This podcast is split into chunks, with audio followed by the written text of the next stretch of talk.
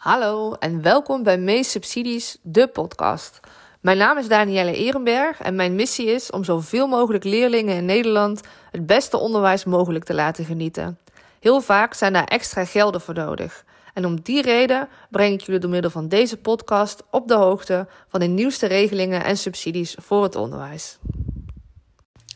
Welkom bij deze aflevering over het Nationaal Programma Onderwijs. Hier is heel veel om te doen. Uh, de afgelopen tijd uh, is natuurlijk bekend geworden dat er 8,5 miljard beschikbaar gesteld wordt voor het uh, onderwijs in Nederland. Primair onderwijs, voortgezet onderwijs, middelbaar beroepsonderwijs, maar ook het speciaal onderwijs valt daaronder. onder. en niemand weet eigenlijk hoe dat geld naar de scholen toe gaat. De ene had het over dat krijg je lump sum. De ander had het erover, nee, dat worden hele lijvige subsidieaanvragen die je moet schrijven. Nou, het um, is inmiddels uh, een, uh, enigszins wat helderder geworden. Gisteren is er een brief uh, van het ministerie uitgegaan naar de scholen. Met hierin meer informatie over het proces van de aankomende maanden. En nou, dit wil ik heel graag met jullie delen.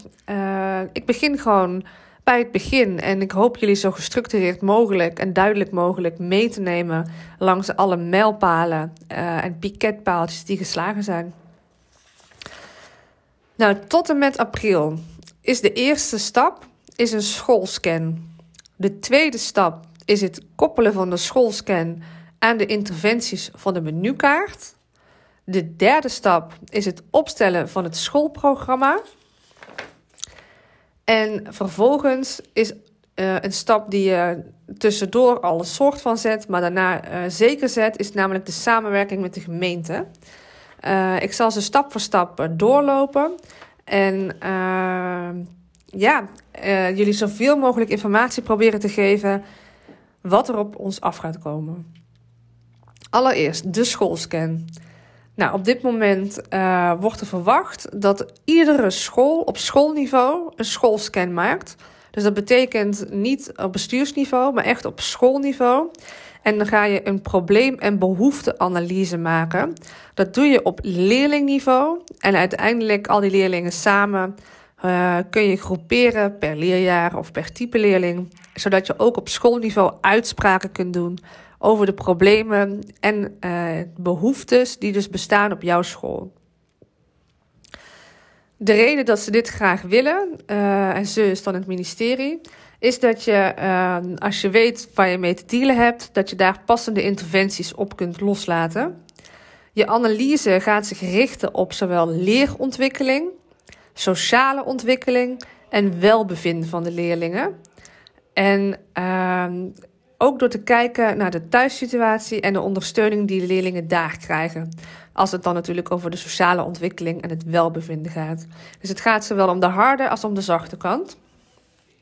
Belangrijk is, is dat je weet als school dat je ook uh, bij deze schoolscan verantwoordelijk bent voor je thuiszitters. Dus neem die ook mee in je scan. Vervolgens um, is het natuurlijk de bedoeling, als je in kaart hebt gebracht wat je behoefte is, om te bepalen: hebben mijn leerkrachten en docenten en onderwijsondersteunend personeel uh, iets nodig om hier aan gehoor te kunnen geven? En het iets kan zijn training, uh, tijd, nou ja, wat je maar kunt bedenken wat zij nodig kunnen hebben in een rugzak om jouw leerlingen te helpen. Of heb je externe expertise nodig? Het is belangrijk om uh, gebruik te maken van alle gegevens die tot nu toe beschikbaar zijn. Denk bijvoorbeeld intern aan je leerlingvolgsysteem. Maar denk ook aan die coronarapportages van het NCO. Ik weet niet of jouw school je daarvoor op heeft gegeven. Als dat zo is, dan krijg je namelijk uh, resultaten daaruit. Hoe uh, de interventies, uh, nou, wat voor effect de interventies hebben gehad. En als dat bijvoorbeeld een positief effect is, dan zou je die interventies eventueel kunnen herhalen. Vergeet ook niet gewoon de reguliere leerlingbesprekingen. Om, deze, uh, om, om mee te nemen in je analyse. Dus uh, even samengevat. Je gaat een schoolscan maken. Die schoolscan is een probleem- en behoefteanalyse op leerling- en schoolniveau. Die ga je uiteindelijk koppelen aan passende interventies. En voordat je dat gaat doen, ehm, ga je bij die analyse gebruik maken van je leerlingvolgsysteem, de rapportages van het NCO als je die hebt. Als je die niet hebt, dan, dan niet natuurlijk. En je reguliere volg uh, leerlingbesprekingen. Ook is het de bedoeling, als je gebruik gaat maken van bestaande zorgstructuren, dus bijvoorbeeld uh, als je samen met de gemeente of met jeugdzorg al bezig bent op bepaalde uh, zaken, dat je daar dan ook de ouders bij betrekt. Maar dat uh, lijkt me voor zich spreken. Die scan die is verplicht. Die scan die kun je niet overslaan. Het is ook niet uh, uh, zo dat je. Uh, dat je. Opnieuw. Die scan die is verplicht. Het is niet zo dat je kan zeggen: laat, laat dat geld maar zitten. Ik hoef het niet, dus dan hoef ik die scan ook niet te doen. Die scan die moet je doen. Het is ook verplicht om op hoofdlijnen het, uh, je resultaat aan OCW te rapporteren. Dat klinkt uh, misschien een beetje schools. Maar zij willen gewoon ook op landelijk niveau gewoon inzicht hebben in hoe het ervoor staat in Nederland. Ook is het de bedoeling dat je je gegevens niet allemaal op persoonsniveau, maar wel uh, de algemene conclusies in dit uh, deel al deelt met de gemeente. De gemeente moet namelijk ook gaan nadenken over welke aanvullende begeleiding of kennis zij ter ondersteuning aan de scholen kan gaan bieden. En dat kan ze pas bepalen als ze weet welke behoeften er op de scholen leven. Nou, deze fase die duurt tot en met april. Ze komt zoveel mogelijk en zo snel mogelijk komt er informatie beschikbaar, zodat uh, deze informatie uh, ook uitgevoerd kan gaan worden. Want dit is eigenlijk nog een beetje op hoofdlijnen hoe je zo'n scan maakt, maar er komt ook nog meer informatie over. En dan komt de koppeling met de interventies, stap 2. De interventies van de menukaart. Nou, de menukaart hebben jullie misschien al eens eerder over gehoord dat die eraan gaat komen. Uh, er is een onderzoek gaande over uh, effectieve interventies in, uit de en ondersteuningsprogramma's. En die interventies uh, die bewezen effectief zijn, komen op de menukaart te staan. Vervolgens pakt u uw schoolscan en u pakt de menukaart die beschikbaar wordt gesteld. Die is nog niet beschikbaar. En gaat kijken waar er een match is. Bijvoorbeeld, er is een grote behoefte op sociaal-emotioneel vlak en een interventie is bijvoorbeeld schooljudo. Ik zeg maar wat hoor. Dan kan het zo zijn dat jij zegt, nou dan wil ik met de hele school schooljudo gaan doen. Of rots en water. Het kan ook zijn dat je uh, met z'n allen uh, extra rekenoefeningen gaat maken van een bepaald kaliber. Omdat dat werkt. Eén op één contact, uh, extra coaching. Ik weet niet op welk niveau de menukaart gaat zijn. Ik verwacht eerlijk gezegd dat het brede categorieën zijn waar je een match op maakt. Maar ja, dat, dat is hoe ik het zelf zou doen. Zodat de scholen echt nog meer keuze hebben en zichzelf uh, hun eigen eieren kwijt kunnen. Maar nogmaals, ik ga er niet over.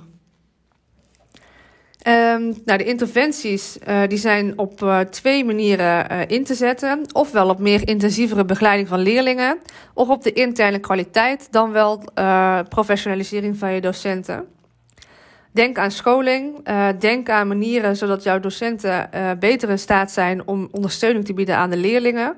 Dan wel op inhoud, dan wel op sociaal en emotioneel welbevinden.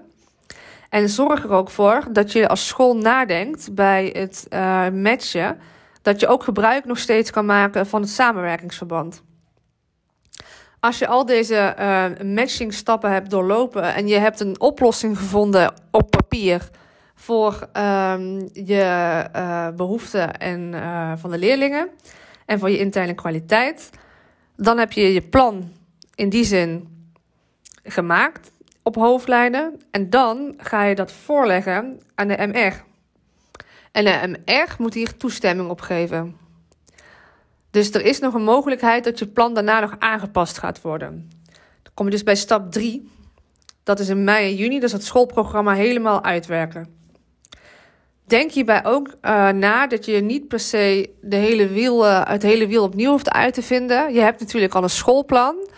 Dat schoolplan is, in, uh, is al opgesteld. Dat schoolplan ehm, is waar je natuurlijk achter staat en is gebaseerd op de strategie van je organisatie. Kijk gewoon even wat je extra kan toevoegen aan dat schoolplan, zodat dat gezamenlijk je hele schoolprogramma wordt voor het Nationaal Programma Onderwijs. Dat scheelt je een bak aan tijd. En uh, vaak is wat je gaat inzetten in het verlengde van de visie die je ook al hebt uh, laten uitwerken in je schoolplan. Dus dat zou een tip van mij zijn. Uh, denk er ook even bij na dat uh, er ook een financieringsverantwoording aan zit en een monitoring. En die financiering is voor twee schooljaren. En de monitoring is op schoolniveau. Wat ze graag zien is dat je uh, het plan, als het helemaal af is en het is toegestemd door de MR, dat je dat online zet op, je, op internet. En aan de ene kant zegt het ministerie: ja, joh, ik hoef uh, dat plan niet te zien, hè, het schoolprogramma. Maar je moet wel twee keer in een online portal vragen uh, beantwoorden over de resultaten van de scan, de inhoud van het programma en de gekozen interventies. Dat moet je dus twee keer doen. Dat betekent dat je het programma niet letterlijk hoeft toe te sturen, maar dat er dus zeker wel een controle op is. Um, ja, dus ik vind het eigenlijk zelf persoonlijk een beetje krom dat ze zeggen: ja, je hoeft het niet toe te sturen. Ja, dat klopt natuurlijk feitelijk wel. Maar uiteindelijk zul je dat dan toch wel weer informatie over uh, moeten delen. Wat niet erg is, maar nou ja, zeg dan niet dat je het niet op hoeft te sturen. uh, de formele verantwoordelijkheid blijft liggen bij het bestuur. Uh, dus ook voor de financiën. En het bestuur legt via het jaarverslag legt die, verantwoording af over de financiën. Belangrijk is, ik weet ook niet, meestal geven bestuurders aan dat ze ook naar deze podcast luisteren.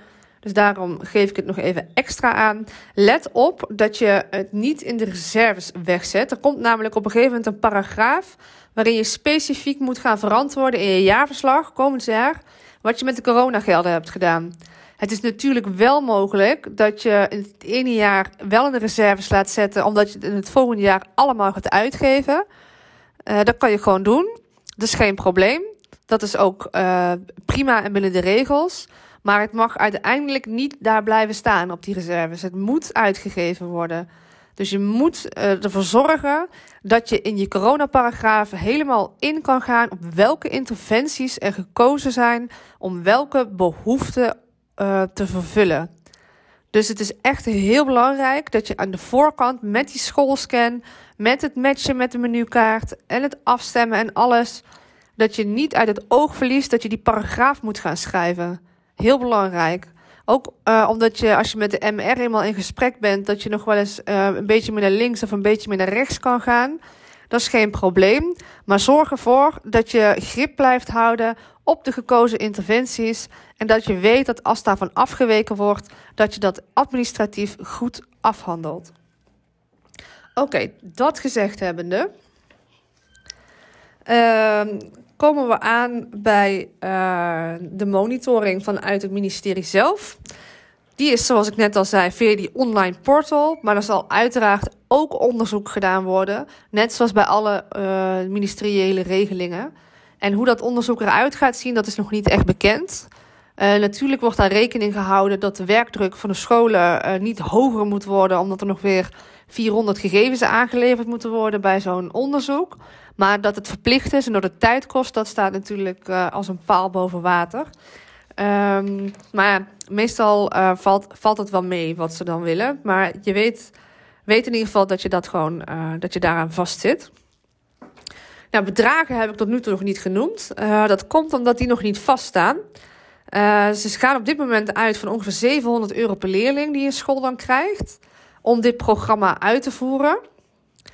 Um, alleen ze zijn natuurlijk ook bezig met kijken om, van ja, maar welke scholen hebben dan meer geld nodig? Omdat ze bijvoorbeeld veel meer leerlingen uit de armoedeprobleemcumulatiegebieden hebben. Of uit de zogenaamde achterstandswijken. Of uh, dat ze meer leerlingen hebben met een andere achtergrond. Die, waardoor ze wat extra geld krijgen voor, voor taalontwikkeling. Kijk, daar kan ik gewoon nog niet zo heel veel over zeggen. Wat ik wel kan zeggen, is dat je de komende tijd vrij druk gaat krijgen.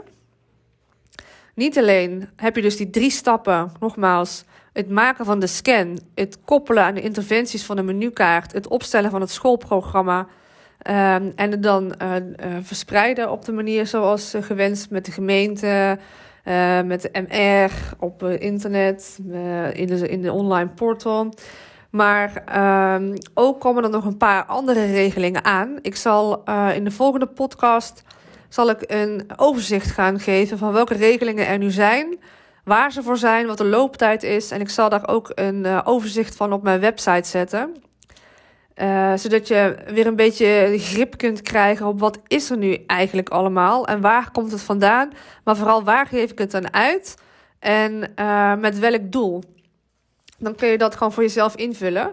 En dan uh, heb je voor jezelf eigenlijk je eigen situatie in beeld. Maar voordat ik die podcast ga maken, alvast hier dus een tip van de sluier. Niet alleen komt, deze, komt dit Nationaal Onderwijsprogramma eraan maar ook een nieuwe ronde van extra hulp voor de klas. Dat is die met die RAP-regio's die je in januari kon aanvragen. Komt een tweede ronde dus van. En er komt een nieuwe ronde van de inhalen ondersteuningssubsidie. Dus dat betekent uh, dat je deze nog een ronde kunt aanvragen. En waarschijnlijk uh, kun je het voortborduren op je huidige plan. Dat is nog onbekend.